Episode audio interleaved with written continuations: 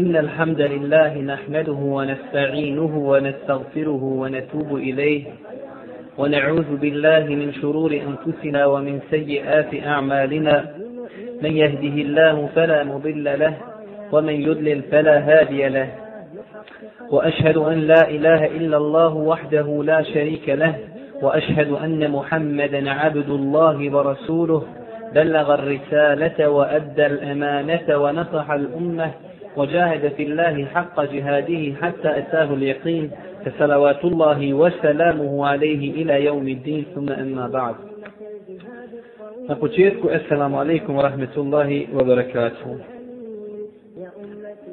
Kao što je najavljeno, braću moja draga, večeras ćemo progovoriti nekoliko riječi o meni, o jednoj tematici koja je zasigurno i tekako aktuelna, a i bitna. Pa tako, kada pogledamo u stanje muslimana i pokušamo dosjegnuti do razloga koji su doveli muslimane do onoga na čemu jesu danas, vidjet ćemo u masi tih problema, u masi tih razloga i ovaj zasigurno razloga, to je zakostavljanje, savjetovanja ili konsultovanja za postavljanje savjetovanja ili konsultovanja u svakodnevnom životu čovjeka muslimana. Normalno na početku ovog našeg govora treba da kažemo da ne govorimo samo o konsultovanju koje je vezano za propise vjere, već govorimo, braćo moja draga, općenito o propisu konsultovanja, o čovjekovom konsultovanju u svakodnevnom životu. Pa tako ćemo naći da je zapostavljeno konsultovanje kada je u pitanju brak, porodica, rješavanje porodičnih problema, bavljenje trgovinom, nastavljanje školovanja, ženitba, razvod i mnoge druge stvari koje bi mogli nabrajati. A zasigurno, braćo moja draga, na čelu tih svih stvari, kada govorimo o zapostavljanju konsultovanja i savjetovanja, jeste zapostavljanje konsultovanja kada je u pitanju vjera i propisi vjeri. Hoćemo tako naći velik broj ljudi da je zapostavio konsultovanje u metodologiji širenja islama, u misionarstvu, u davi. Također ćemo naći da su ljudi zapostavili konsultovanje kada je u pitanju naređivanje na dobra djela i odvraćanje od loših djela. Također zapostavljeno je od strane onih ljudi koji žele da traže znanje, iako je mal broj tih ljudi, zapostavljeno je konsultovanje, da ljudi ne znaju šta da čitaju, kako da čitaju, od koga da čitaju, koliko da čitaju i mnogo drugih stvari. Zato, braćo moja draga, sve ovo nas vodi u pravcu da progovorimo nekoliko stvari o bitnosti ove tematike. Prvo što ćemo, progovorit ćemo nešto o bitnosti ove tematike. Pa tako, od stvari koje ukazuju na bitnost ove tematike i konsultovanje i savjetovanje u životu muslimana jeste da je Allah subhanahu wa ta'ala naredio komi Božim poslaniku sallallahu alihi sallam da se konsultuje sa svojim ashabima. Kaže Allah subhanahu wa ta'ala وَشَاوِرْهُمْ فِي الْأَمْرِ i dogovarajte sa njima. Allah subhanahu wa ta'ala komi naređuje Božim poslaniku, najodabranjuje ličnosti, najpotpunjuje ličnosti, Allah subhanahu wa ta'ala mu naređuje, naređuje da se konsultuje sa svojim ashabima. Kaže poznat islamski učenjak Imam en ako je Allah subhanahu wa ta'ala naredio svome poslaniku, a on je najpotpunija ličnost da se konsultuje i da se savjetuje u svakodnevnom životu, onda su svi drugi mnogo preći tih naredbi. Također, rekao je šehol Islam ibn Tejmije, rahimehullah, vladar muslimana ne može, a da se ne konsultuje, jer Allah subhanahu wa ta'ala je to naredio svome poslaniku, pa onda citira ovaj kuranski ajet. I kaže šehol Islam ibn Tejmije, u tome su tri velike koristi. Prva od tih korist jeste da bi se njihova srca zbližila. Druga korist jeste da bi se ashabi u tome ugledali u Božijeg poslanika sallallahu alaihi wasallam nakon njegove smrti. Znači da praktikuju kada vide od Božijeg poslanika sallallahu alaihi wasallam konsultovanje i savjetovanje, onda će se oni ugledati u njemu Znači u tome u Božijem poslaniku sallallahu alaihi sallam, I treća stvar, da bi Božiji poslanik sallallahu alaihi sallam, kroz konsultovanje i savjetovanje saznao stavove ashaba po nekim stvarima koje nisu precizirane vjerom.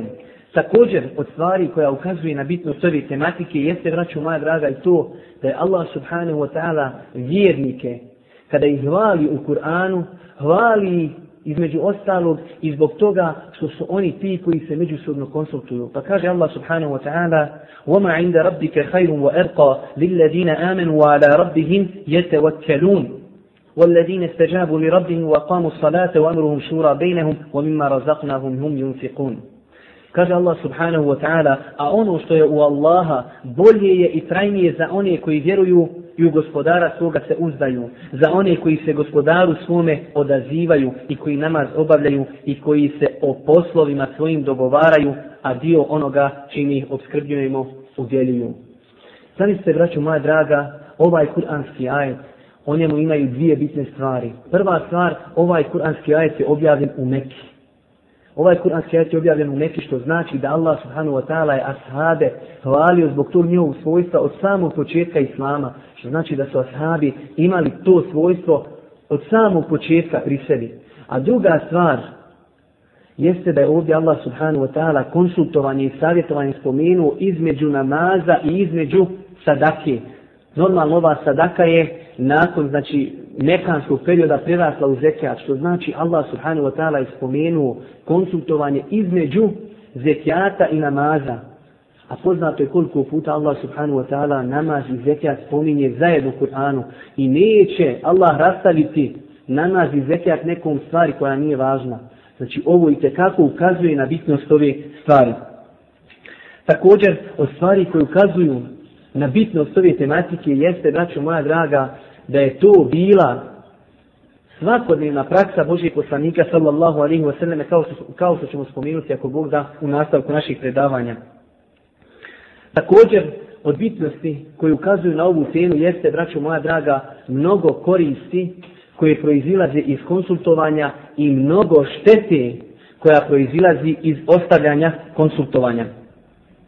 Također od razloga koji su nas ponukali da govorimo o ovoj tematici i također koji govore o bitnosti ove tematike, braćo moja draga, jeste da velik broj muslimana ima pogrešno rezonovanje, pogrešno shvatanje kada je u pitanju savjetovanje. Tako, braćo moja draga, naći ćemo da velik broj problema, velik broj problema kroz koji prolazi danas umet, zasigurno je razlog Zasigurno je razlog zato što su muslimani zapostavili konsultovanje svoje ulemi, svojih učenjaka, svojih autoriteta. Zasigurno je, braću moja draga, mnogo primjera, toliko da ih ne trebamo navoditi. Tako se desi nekada da grešku jednog pojedinca ili grešku jedne male grupici mora snositi stanovništvo jedne države ili mora snositi stanovništvo cijeloga umeta. Nakon što smo spomenuli nekoliko riječi o bitnosti ove tematike, da spomenemo ukratko nekoliko dokaza koji pokazuju i koji ukazuju na propisanost savjetovanju Allahu i subhanahu wa ta'ala vjeri. Prije nego što počnemo govoriti o dokazima, da kažemo da dokazi o propisanosti savjetovanja i konsultovanja mogu se podijeliti na dvije vrste. Govornog karaktera i praktičnog karaktera govornog karaktera dovoljno spomenuti ova dva kuranska ajeta koje smo malo prije spomenuli وَشَاوِرْهُمْ fil emr gdje Allah subhanahu wa ta'ala naređuje poslaniku da se savjetuje sa sahavima i drugi gdje Allah hvali prve generacije mu'mine zbog toga što se oni konsultuju međusobno. Ali da pogledamo, braćo moja draga, u Kur'anu Allah subhanahu wa ta'ala na više mjesta spominje konsultovanje kao praktični život ljudi.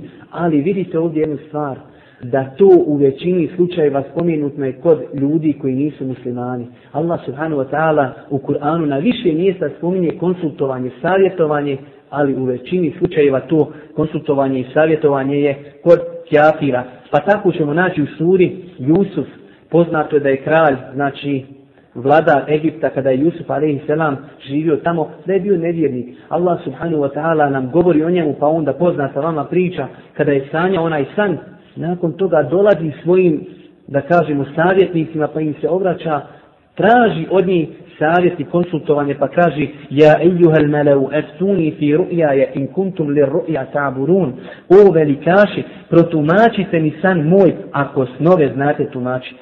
I znate li, braću moja draga, šta je bio rezultat ovog konsultovanja i savjetovanja? Rezultat toga je bio da je Egipat, jedna velika znači država, jedno veliko područje, sačuvan bio zbog toga od propast koja mu je prijetila. Poznato kako je Jusuf protumačio taj san da siju sedam godina pa da ostavljaju plodove, da će poslije toga doći sedam godina koji će biti sušne, da oni imaju rezervu i da imaju zalihu. Vidimo koliko je plodonosno bilo to konsultovanje i savjetovanje. Drugi primjer također u životu Kjatira jeste kraljica Belkisa koja je živjela za vrijeme Suleiman a.s. Pa također ona kaže Ja ejuhal melev, eftuni fi emri ma kuntu qati'atan emra hatta tešhedun. O velikaši reče ona savjetujte mi šta treba u ovom slučaju da uradim ja bez vas. Ništa neću da odlučim. Također žena kjafirka ali znala je koliko mjesto zauzima konsultovanje i savjetovanje u životu jednog čovjeka. I na kraju treći primjer i završit sa tim primjerima. Primjer najvećeg tiranina, primjer najvećeg zalima, čovjeka koji se proglasio božanstvom, faraon, on je znao vrijednost konsultovanja. Faraon se konsultovao sa ljudima oko sebe. Nije sam donosio odluke, braćo moja draga. Pa tako tamo u kuranskom majetu kaže Allah subhanahu wa ta'ala Kale lil mele'i hawlehu inne hada le sahirun alim yuridu en yukhrijakum min ardikum se nada Kaže Allah subhanahu wa ta'ala Ovo je zaista vješ čarobnjak, reče glavešinama oko sebe, Faraon. Hoće da vas čarolijom svojom iz zemlje vaše izvede, pa šta mi savjetujete? Faraon traži od onih ljudi koji su bili oko njega konsultovanje.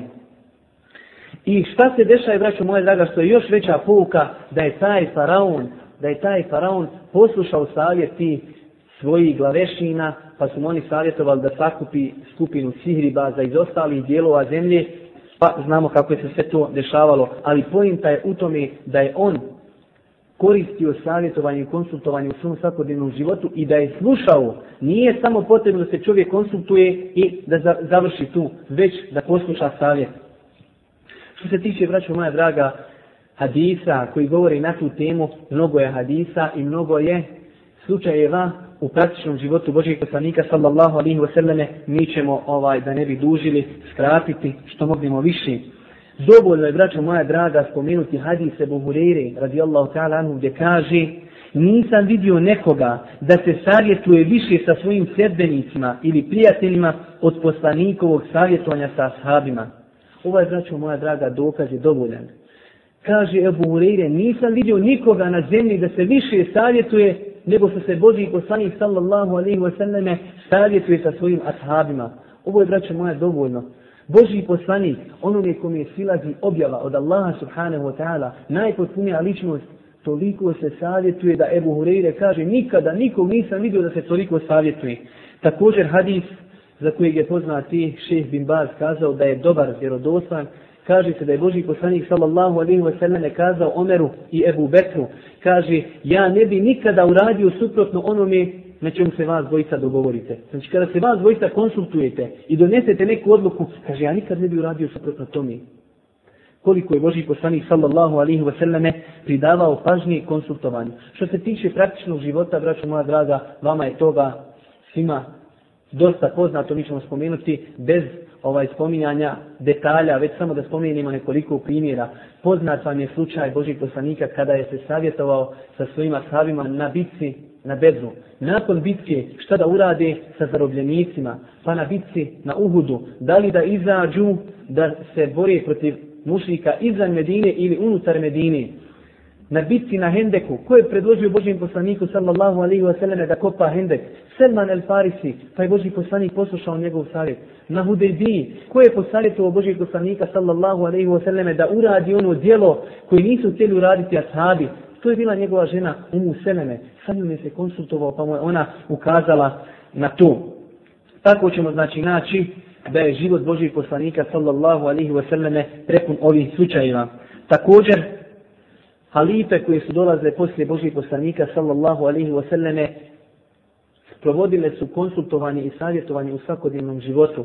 Poznat je slučaj Omera radijallahu ta'ala anhu kada je htio da uđe u, u Šam, pa je čuo da u Šamu ima kuga koja hara, poznata šamska kuga, pa je savjetovao ashabe, vama stvar svima poznata.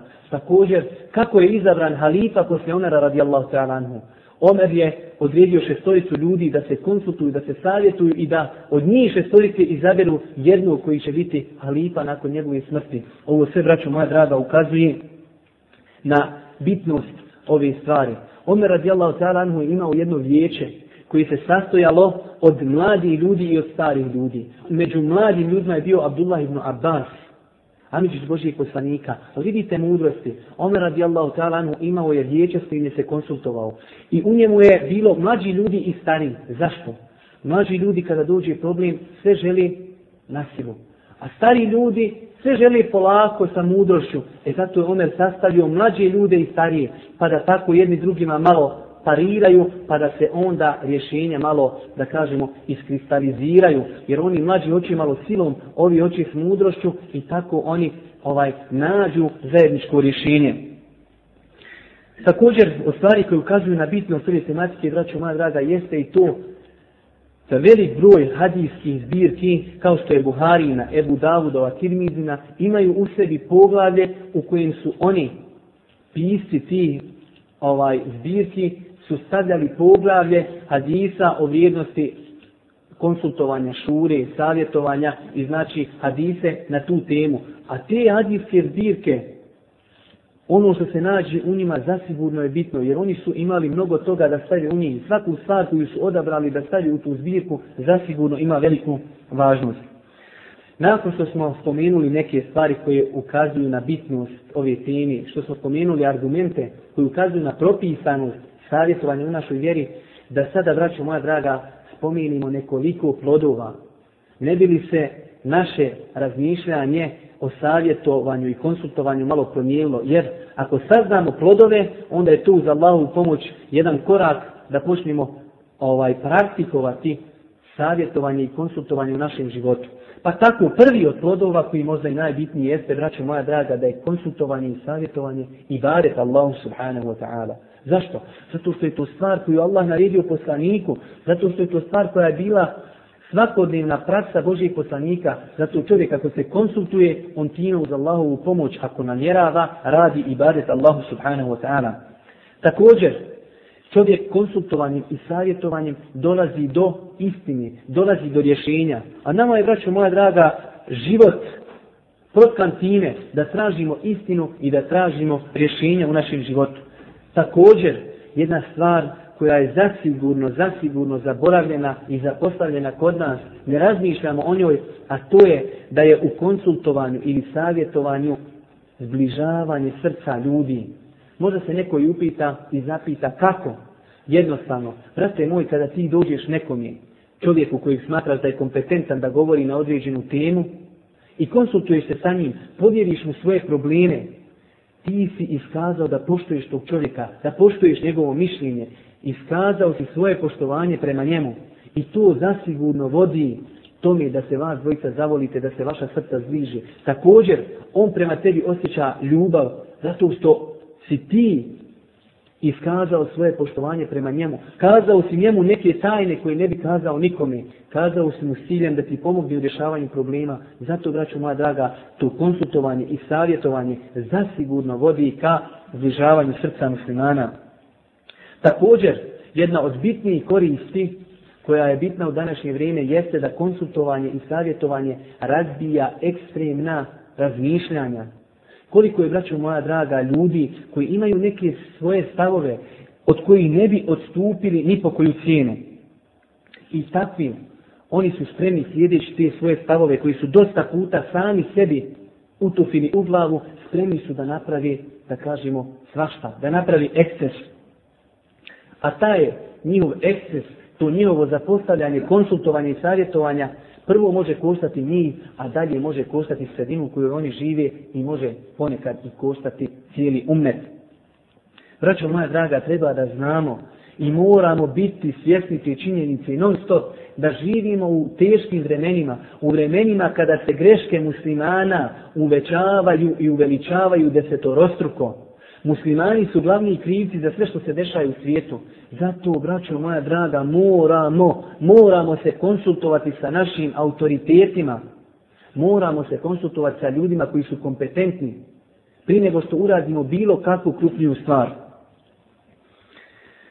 Kaže Hasan el Basri, tako mi Allaha, kada god se ljudi konsultuju, bit će upućeni na ono u čemu je hajr za njih, pa je proučio kuranski ajet A oni se o svojim međusobnim poslovima savjetuju.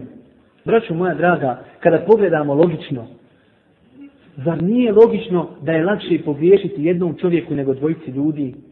Je li lakše pogriješiti jednom čovjeku ili petorci ljudi, ako čovjek konsultuje četvoricu ljudi, pa nakon toga uradi neko djelo? Je li lakše pogriješiti njemu samom ili petorici ljudi? Logično je da je lakše pogriješiti njemu samom nego petorici ljudi. Poslušajte ove riječi. Ovo su za nekoga možda smiješne riječi. Ali su to toliko velike riječi da bi ih trebalo ispisati zlatnim slovima. Kaže Abdul Melik ibn Mervan. Da pogriješim nakon što sam se konsultovao, meni je draže nego da postupim pravilno, a uradio sam to po svom nahođenju. Ponovit ću još jednom, možda je to nekom i smiješno, ali je to i tekako velika rečenica. Kaže da pogriješim nakon što sam se konsultovao, meni je draži nego da postupim pravilno, ali da sam to uradio po svome nahođenju. Također, braću moja draga, od plodova konsultovanja, savjetovanja jeste da konsultovanje i savjetovanje čovjeku otvara vidike, produbljuje njegovu viziju, vidi kako i drugi ljudi razmišljaju, saznaje odakle dolaze problemi, Čovjek ponekad ima određeno ubjeđenje, ako je u pitanju određeni problem, da li problem u porodici, neki drugi problem. Ima određeno ubjeđenje i misli da mora tako da postupi. Pa ovdje konsultuje se sa, s nekim čovjekom koji je kompetentan da se konsultuje sa njim. Pa mu čovjek ukaže na neke druge stvari koje on nije nikako mogao da vidi. Nije zamišljao nikako da se taj problem može gledati iz nekog drugog ugla. Zato, braću moja draga, to je korist konsultovanja. Jer čovjek nekada ne može neku određenu stvar da rezonuje osim kroz neki određeni, stari određeni pogled. Ali kad ode kod drugog čovjeka, onda mu on pokaže kako i on gleda na tu stvar. Poslušajte također riječi jednog mudraca koji je savjetovao svoga sina pa mu kaže, o sine, savjetuj se sa ljudima koji imaju iskustva u životu, Kaže, jer oni ti daju besplatno i džabi ono što su, kaže, skupo platili u svom životu. Ti dolaziš čovjeku i on ti ono što je kroz cijeli svoj život sabirao, možda i na svojoj ličnoj koži ispaštao, sada ti on te savjete daje besplatno, daje ti to džabi. Zato, braću moja draga, zašto to ne iskoristiti? Također jedna bitna stvar, ako ju dosta puta smo zapostavili i ne razmišljamo o njoj, braćo moja draga, od plodova konsultovanja i savjetovanja jeste i to da je u konsultovanju i savjetovanju korist za nas, a šteta drugima. Šta to znači? Korist za nas kada se mi konsultujemo s ljudima i uradimo ispravno, svako će nas hvaliti, svako će kazati vidite kako je ovaj čovjek pametan, kako može da donese pametnu odluku. Konsultuje se s ljudima, u tome je korist za tebe. Ne do Bog, ako se ti konsultuješ s ljudima pa pogriješiš, ti si pred ljudima čist. Nećeš trpiti njihove kritike, jer kada te upitaju ti kažeš, ja sam konsultovao tog i tog čovjeka, konsultovao sam tog i tog trgovca, konsultovao sam tog i tog inženjera, konsultovao sam tog i tog učenjaka, ti si, znači, čist pred ljudima. Zato kažemo, u konsultovanju je korist tebi, a šteta drugima. I zadnja korist, braćo moja draga, da je u konsultovanju smiraj duše. Šta to znači? Da čovjek, kada uradi nešto pa pogriješi, lakše mu je prijeći preko te greške kad zna da je on konsultovao pet ljudi i pogriješio nakon toga. Lakše mu je da podnese tu grešku. Da ju radio sam, uvijek bi možda sebe korio da sam možda nekoga upitao, kazao mi da ne radim to. Ali nakon što se čovjek konsultuje pa pogriješi, onda mu je psihički lako podnijeti taj poraz.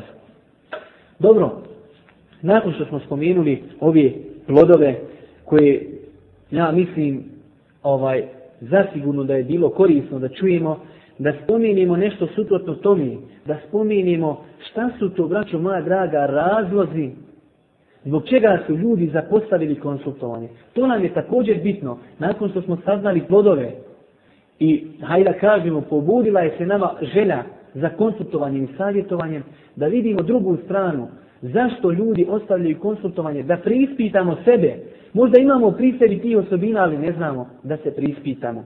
Prva stvar, braćo moja draga, zašto ljudi zapostavljaju konsultovanje jeste kibur i oholost. Ljudi se dosta puta umisli, oholi se da ode kod nekoga i da se sa njim savjetuje. Misli da je pokupio pamet cijelog svijeta. Znači, to je prvi razlog. Drugi razlog, dosta ljudi je zapostavilo savjetovanje i konsultovanje iz razloga što misli da ako ode da se konsultuje kod nekoga, da će ta osoba, savjetnik, smatrati tu osobu slavićem. Kada će o njemu pa vidiš, on nije mogao sam da riješi svoj problem pa je došao kod mene. To je, braću moja draga, šitanska vesvesa. Jer da je to tako, ne bi život Božih poslanika sallallahu alaihi wa sallam bio prepun konsultovanja. Jer to znači da Božji poslanik nije bio u stanju da donese odluku daleko od toga. Ali konsultovanje ima svoje plodove koje smo spomenuli. Također od razloga Zašto su ljudi da postavili konsultovanje jeste nepoznavanje koristi konsultovanja. Također nepoznavanje šteti ako čovjek zapostavi konsultovanje. Koliko je ljudi koji su spoznali bitnost konsultovanja nakon što su napravili neku grešku i nakon toga su spoznali šta znači konsultovanje. Također, zadnji razlog zašto su ljudi zapostavili konsultovanje jeste, braćo moja draga, stid ili razlika u godinama. Dosta puta ljudi se stide da ode da se konsultuje s čovjekom koji je kompetentan, ali je mlađi od njega. Ili se stide da se konsultuje sa svojim sinom, sa svojom čerkom, zato što je njegov sin mlađi od njega. A njegov sin je kompetentan da govori o tome, ali ne želi, stide ga zato što je on mlađi od njega. Tu je također jedan razlog zasigurno neispravan razlog jer rekli smo da je Omer radijallahu ta'ala anhu savjetovao se sa grupom ljudi koji su bili mladi, među njima je bio Abdullah ibn Abbas koji je bio dječak za života Omera radijallahu ta'ala anhu.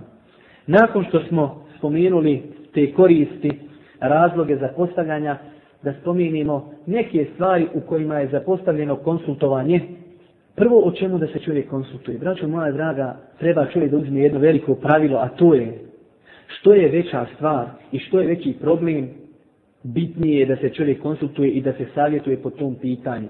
Tako ćemo, braćo moja draga, naći mnogo primjera gdje su muslimani zapostavili konsultovanje, ali zbog skučenosti s vremenom dovoljno je spomenuti da je zapostavljeno konsultovanje u traženju znanja, u odvraćanju od zla naređivanje na dobro, kada je u pitanju ženitba, odabir supruge, kada je u pitanju rješavanje bračnih problema, kada je u pitanju nastavljanje studija. Broću, moja drago, ovo je nešto i tekako bitno kada je u pitanju nastavljanje studija. Dosta puta djeca sama sebi odabiraju šta će studirati umjesto da se konsultuju, da odu, odnosno njihovi roditelji da se konsultuju pa da vide šta je potrebno danas umetu da njihova djeca studiraju, pa da obiđu ljude, pa da se raspitaju, pa da nakon toga odredi svome djetu struku koju će studirati. Već u nas najbliža škola, automehaničar, automehaničar, samo nek nije u kući, samo šta bilo nek završi. To je, braću moja draga, zasigurno velika greška. Također, jedna stvar koja je zasigurno bitna i trebali bi da se o njoj konsultujemo, a dosta puta pravimo greške koje nje jeste, braćo moja draga, razod braka. Dosta puta ljudi napravi tu grešku. Razvede ženu i onda dolazi kod dalje, kod profesora, kod alima, kod šeha i pita šta ću, kako ću vratiti svoju ženu. Tri puta razveo ženu i šta ću, kako ću. Zato, vraćam moja draga, naročito oni koji su oženjeni, prije nego što izrekneš riječi razvoda iz svojih usta, dobro stani na loptu, otiđi, konsultuj se, savjetuj se. Ako ti ljudi koji su učeni od tebe, pametni, koji si konsultovao, kažu da treba tako da postupiš, tako i postupi. Dobro, nakon što smo spomenuli ukratko te neke stvari, da prijeđemo da govorimo o našoj temi, o konsultovanju. Vraću moja draga, konsultovanje i savjetovanje sastoji se iz tri dijela. Nemojte misliti, pošto je ovo ovaj, tek govor o ovome, da ćemo još dugo govoriti. Nećemo, ako Bog da, blizu je kraj. Konsultovanje ili savjetovanje sastoji se iz tri dijela. Od osobe koja traži savjet, od savjetnika i teme ili problema o kojem se savjetuju. Mi ćemo o svemu ovome progovoriti ukratko i time ćemo završiti naše druženje. Prva stvar, progovorit ćemo nekoliko riječi o osobi koja traži savjet. Možda se neko zapita, pa što treba govoriti o osobi koja traži savjet? Braćo moja draga, najbitniji faktor savjetovanja jeste osoba koja se savjetuje. Vidjet ćete sada iz priloženo, pokušat ću da budem ubjedljiv, da li ću uspjet ne znam. Prva stvar, govorit ćemo o nekim osobinama osobe koja traži savjet. Iz toga ćemo shvatiti bitnost ovoga što ja govorim. Prva stvar, braćo moja draga, osoba koja traži savjet treba da bude iskrena. Šta znači riječ iskrena? Treba da traži istinu i treba da traži hak. Što znači, ako mu se ukaže savjet koji je suprotno onome na čemu je on, ili suprotno onome što je on mislio da je istina, čovjek treba da bude u stanju da to prihvati, a ne može nikako drugi osim ako bude iskren. Također, kada govorimo o osobi koja traži savjet, treba čovjek da se savjetuje prije nego što donese odluku. Jer dosta puta ćemo naći ljude, donese odluku po određenom pitanju i onda ide da se konsultuje s ljudima. Zašto? Da bi našao nekoga ko će potvrditi njegovo mišljenje. Ne ide on da traži savjet, već ide da nađe nekoga ko će potvrditi njegovu odluku. I sutra ako ga upatiš zarane da kaže, pa ja sam se konsultovao. Ali slučajno da mu nekog dadne znači, savjet suprotan onome što je on odredio, on kaže pa nisam ja obavezan da slijedim nikoga. Znači greška je da čovjek donese odluku i nakon toga se konsultuje. U redu je da čovjek donese odluku i ide da se konsultuje i ako mu se ukaže na suprotno toga da je spreman da prihvati. To je u redu, ali nije u redu da se čovjek konsultuje i savjetuje samo da bi našao nekoga da potvrdi njegovo mišljenje. Također, braću moja draga, neispravno je da čovjek traži mišljenje od ljudi za koje zna da će potvrditi njegovo mišljenje. To je isto neispravno. Čovjek, na primjer, hoće da kupi stan, znate kako mi ide s kamatom. Neće do čovjeka pitati onoga koji zna da zabranjuje kamatu. Već ide nekoga i pita koji zna da to dozvoljava. I kada ti nešto poslije upitaš, kaže, pa ja sam se konsultuo, ja sam pitao. Pa što nisi mene pitao, pa kaže, znam da ti to zabranjuješ. Jer to konsultovanje, jer to savjetovanje? Za nekog je, za nekog nije. Također, braću moja draga, neistravno je da čovjek konsultuje uvijek iste ljude za sve probleme. Čovjek Hoće da kupi auto i zove šeha, zove daju, e, hoće kaže kupiti auto, šta misliš? Jedino ako je taj dalje prije nego što studirao šerijatske nauke bio automehančar. Pa se razmi, u redu. Ali čovjek nikad u životu nije digao haube i ti njega zoveš, hoću kupiti auto. Greška, sto posto greška. Jeste to možda autoritet, jeste to čovjek koji vrijedi, ali ne vrijedi u tom segmentu, bolan kupit ćeš auto ko se kupio jedan dalje s pokvarenim motorom. Nemoj to sebi dozvoliti. Nemoj sebi. Odvuci auto auto automehaničaru koji čovjek živi sa tom strukom. ne pregleda auto i osloni se na njegove riječi, znači svoj, pa neki rezime, uzmi od njega. Tako znači greška je da čovjek za sve stvari pita, da kažemo, ove šerijatske autoritete. To je, braćo moja draga, također greška također od stvari koje su vezane za osobu koja, se, koja traži savjet i koja znači, želi da se konsultuje, jeste, braćo moja draga, kada čovjek želi da se konsultuje, treba da osobi koju, koju konsultuje i s kojom se konsultuje, treba da mu spomeni sve stvari koje su bitne za taj problem. Dosta puta dođe čovjek i konsultuje se s tobom. Ispriča ti ispriča, ti mu kažeš u redu, tako je. Kad sutra dođeš, ti čuješ samo informacija kamionom tebi nije kazno. Kaže ti onoliko informacija koliko će tebi biti dovoljno da mu kažeš ono što njemu treba. To je, braću moja draga, dokaz neiskrenosti tog čovjeka. Ako želiš konsultovanje, traži sve moguće informacije o problemu i nakon toga očekuj rješenje. A ne, čovjek dođe i kaže ti onoliko informacija koliko je tebi dovoljno da ti imaš mišljenje da to dođe čovjek, ne smije mu kuću, ubiće me babo. Šta smo kaže Pa ne ići u Ne kaže da je on skrivio kamion drugih stvari. To je, braćo moja draga, također stvar koja je bitna. Ako želiš istinski savjet, ako želiš konsultovanje, onda onoj osobi s kojoj se konsultuješ, kaži sve moguće podatke koje misliš da su bitni da se spomenu i da su bitni za taj problem. I na kraju, da čovjek nakon što se konsultuje, ne bi trebao mnogo da se koleba, kao što je se desilo Božim poslaniku, sallallahu alaihi wasallame, kada je konsultovao svoje ashabe, da li da izađu iz Medine pa da se bore sa mušicima izvan Medine ili u Medini da ih čekaju. Boži poslanik je bio stava da se čekaju u Medini. Pa su došli oni ashabi koji su bili željni džihada, koji nisu učestvovali, u bitci na bedu pa kažu Boži poslaniće, mi smo željni džihada, mi hoćemo bitku, hoćemo da izađemo izvan Medine da se bojimo s njima na Uhudu. Pa je Boži poslanik prihvatio njihovo mišljenje, ali nije bio tog stava. Pa kada je prošlo nekoliko vremena, kada je se Boži poslanik obukao, obukao pancir, oni su došli, shvatili su da su pogriješili. Pa kažu Boži poslaniće, mi smo možda pogriješili, mi smo tebe, hajde da kažemo, primorali da privatiš naše konsultovanje. Kaže Boži poslanik, gotovo, Kaže Boži poslanik, ma kane li nebijin en hatta Allahu bejnehu a Nije, kaže, više dozvoljeno poslaniku da skine svoj pancir. Gotovo, obukli smo se, mi smo se konsultovali, uzeli smo to mišljenje i radimo po tome. Tako čovjek, nakon što se konsultuje, nakon što mu se, znači, objelodani da je to istina, treba da radi po tome. Došli smo do drugog dijela, a to je savjetnik. Znači, moja draga, spomenut ćemo nekoliko, savi, e, nekoliko svojstava koja bi trebala da se nađu pri osobi koju konsultujemo, koju smo izabrali za naših savjetnika. Normalno da je teško naći osobu pri kojoj će se naći sve ove osobine, ali čovjek treba da traži osobu pri kojoj ima što više ovih osobina. Kada govorimo o savjetniku, savjetnik može, da kažemo, biti jedna od dvije osobe. Može biti neka druga osoba koju smo mi izabrali za savjetnika i može biti, s druge strane, mi možemo biti sutra savjetnik. Kako mi da se ponašamo kada neko od nas traži savjet? Prvo ćemo progovoriti nekoliko svojstava o osobi savjetniku koji smo mi izabrali za savjetnika, a nakon toga ćemo progovoriti nekoliko riječi o tome kada mi budemo u situaciji da budemo savjetnici kako da se ponašamo. Pa na prvom redu osoba koju konsultujemo sa i ona je naš savjetnik trebala bi da bude bogobojazna.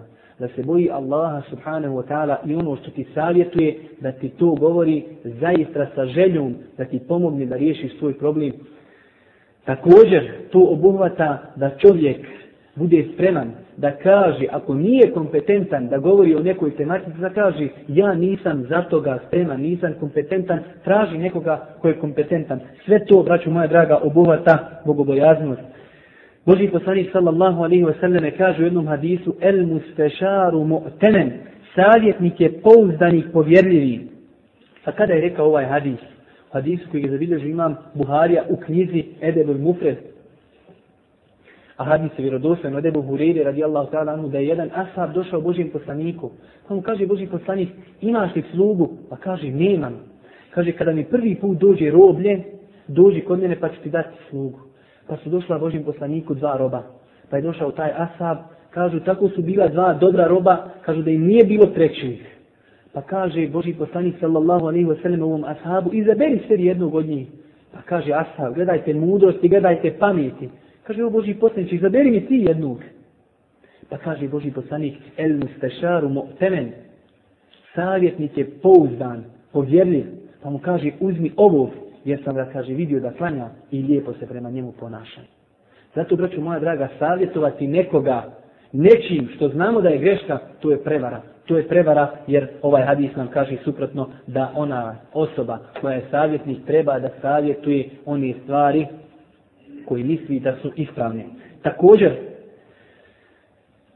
u stvari koje su vezane za savjetnika, ono što smo malo prije spomenuli jeste, braćo moja draga, da čovjek traži osobu čija je struka taj problem koji on ima. Kao što smo spomenuli, ako želiš kupiti auto, konsultuj se sa automehaničarem. Ako želiš da pitaš propis vjeri, pitaj šeha, alima, daju, profesora, već koga hoćeš. Ako želiš da praviš kuću, pitaj stolara, zidara i već koga treba da pitaš. Tako, braću moja draga, čovjek kada se konsultuje treba da traži smjer, da osoba znači bude kompetentna da govori na tu temu. Također, pohvalno bi bilo kada se čovjek konsultuje sa osobom da ta osoba ima dugogodišnje iskustvo iza sebe. Također da osoba bude povjerljiva. Što znači povjerljiva? Da čuva tajni osoba koje su mu povjerile svoje probleme zbog konsultovanja. Nisu mu povjerili svoje probleme zato što vole da kažu nekom svoje probleme, već su povjerili zato da bi mu čovjek pomogao da riješi svoje probleme. Zato savjetnik ne treba da širi tuđe tajne. Također lijepo bi bilo da čovjek kada se konsultuje traži osobu koja se suosjeća s njime, a ne osobu koja ga ne poznaje uopšte. Možda nekad čovjek mora tražiti savjet od nekoga koga ne poznaje, ali je bolje ako možeš da nađeš osobu koja se osjeća s tobom. To će biti dodatni motiv da ta osoba uloži sve napore da ti pomogne.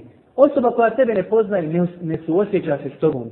Zato je pozitivno da čovjek kada se konsultuje traži osobu koja se suosjeća s njime. Također jedna bitna stvar jeste da čovjek bira odgovarajuće vrijeme da traži vrijeme kada savjetnik ima toliko dovoljno vremena da svoj razum može okrenuti samo da razmišlja o svom problemu. Mnogo stvari koje mogu, da kažemo, biti faktorom da čovjek bude zauzet, da čovjek bude gladan, da čovjek bude žedan, da čovjek ima svojih problema, da je bolestan, da ima neku fiziološku potrebu. Čak islamski učenjaci navode i kaže problem čovjek ako ima kamenčić u cipeli, kaže, žulja ga, ne može on razmišljati o sebi svim problema, pusti čovjeka, nek izvadi kamenčiće i onda sa njim razgovaraj. Tu je bitno, braćo, što ovo govorimo? Desni se braća se raspravlja između se u tri sata na i nisu se mogli dogovoriti. Telefon i zove daju, u tri sata. Istu stvar mogu nazvati se a šej daja, ustavi na ne nazovi ga na Saba, a on u tri sata, jel tako jest? I šeja zove u, tri sata. To je, braćo moja draga, nepoštovanje u leniji nepoštovanje njihovog vakta. Oni se nisu mogli dogovoriti odmah daj, toliko su žedni istini, daj odmah, daj odmah da saznaju istinu. Imaju neka vremena kada tu nije lijepo da se zove, braću moj draga. Sačekaj sabaha, neće, znači se ništa desiti ako sačekaš sabaha ili sačekaj 9-10 sati kada čovjek ustane pa ga nazove. Zato je jedna bitna stvar kada, kada je u pitanju savjetovanja da biramo odgovarajuće vrijeme. Također, rekli smo ćemo nekoliko riječi progovoriti o tome šta ćemo mi raditi ako neko od nas traži savjet. Prva stvar jeste, braću moja draga, kao što smo rekli i tamo, iskrenost. Da čovjek bude iskren. Ako dođe neko od tebe i traži savjet, pokušaj iskreno. Postavi se u njegovu poziciju i pokušaj iskreno mu pomogneš kao svome rođenom bratu. Ako si kompetentan da govoriš o tome, kaži mogu ti pomoći. Ako nisi, kaži halali, ne mogu ti pomoći, mogu ti pomoći tako što te uputiti na adresu osobe koja ti može pomoći. Ako ne možeš niti to, nisi dužan. Ali nemoj čovjeku davati savjet pa da radi po njemu, a i ti ne znaš ništa o tome. Znači prva stvar, braćo moja draga, iskrenost. Da znamo koliko smo teški. Da znamo šta znamo. Također, jedna bitna stvar koja je zasigurno kod nas zapostavljena jeste da ne žujimo Dosta puta, braćo moja draga, neko nam dođe i traži neki savjet, a mi odmah rješenje imamo. Braćo moja draga, nekada su u pitanju krupne stvari. Čovjek hoće da razvede ženu treći put, nakon toga je više ne može žen i brat. Kaže žena mi puši, šta će? Ma ništa kaže talaki, nema tu više razgovora. Odmah kaže razvod braka. Vjerujte ovo, ne govorim ja, nako izmišljam primjere. Mogu vam navesti, ako hoćete imena, ali nima potrebi. Čovjek dolazi šehu, kaže šejih, šta ću žena mi puši. Ništa kaže, završena priča, sela malih talakni razredni. Brzo donosimo odluke, braću moja Pogotovo kada su u pitanju krupne stvari, sjedi, razmisli. Ako nisi kompetentan, nazovi nekog drugog, pa se ti sa njim konsultuj, pa onda dadi čovjeku neki savjet. Nemojte požurivati, pogotovo kada su u pitanju krupne stvari. Neko ne može razlikovati šta je krupna ili sitna stvar. Ali ako ne može, nek se povuče. Ako čovjek ne zna da je razlog braka krupno nešto, onda ne znamo kako da mu to pojasnimo. Također, braću moja draga, kada neko dođe i traži od nas savjet, trebamo da se potrudimo da tu stvar gledamo malo, da kažemo, u širokom nekom obliku, da vidimo njenu prošlost, da vidimo njenu sadašnjost, pa da pokušamo vidjeti ako dajemo čovjeku savjet po nekom pitanju, kakvi će rezultati biti u budućnosti. Imate jedno pravilo kod islamskih učenjaka oko koju su svi složni, kada je u pitanju, na primjer, navraćanje na dobro, odvraćanje od zla. Ako će čovjek proizvesti svojim navraćanjem na dobro i odvraćanjem od zla veće zlo od onoga koji već ima, ne smije to raditi. Zato moramo razmišljati šta će i naši postupci proizvesti u budućnosti. Mi ne znamo gajbu ali moramo razmišljati o tome.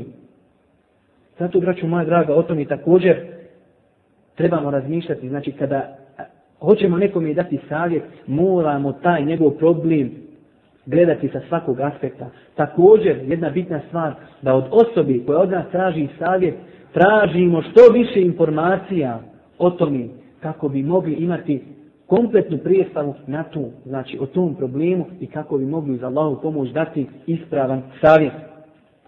Također, ono što smo i malo prije spomenuli, da čovjek čuva tajne drugih ljudi koji su mu povjerili prilikom traženja savjeta. Jedna stvar koja je opet kod nas nažalost zastupljena, a to je da čovjek ne treba, braćo moja draga, da leti pred rudu. Ako ne znate što znači da leti pred rudu, pojasnit ću vam. To znači da čovjek daje svoje mišljenja, nikomu ga ne traži. Kod nas dosta puta čovjek nešto malo počne pričati, a svi odmah bi da ga savjetuju, svi da ga konsultuju i svi da daju svoja mišljenja. Dragi moj brate, ako se od tebe ne traži mišljenje, ako se od tebe ne traži savjet, bolje šuti. Nemoj sebi bolan navaljivati vrat probleme koji mogu da te zaobižu.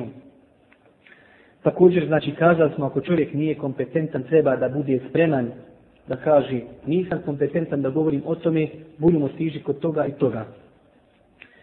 Također, sada možemo na kraju priuštiti sebi da spomenimo nekoliko grešaka vezanih za ovu tematiku i završimo time naše predavanje, a to je jedna od grešaka je da nažalost velik broj ljudi, velik broj muslimana, a velik broj onih koji malo više praktikuju vjeru, smatraju pokuđenim konsultovanje ženi, konsultovanje kćeri, konsultovanje hanumi, tamo znači općenito žena da je to nešto pokuđeno. Braćo moja draga, to je zasigurno neispravno.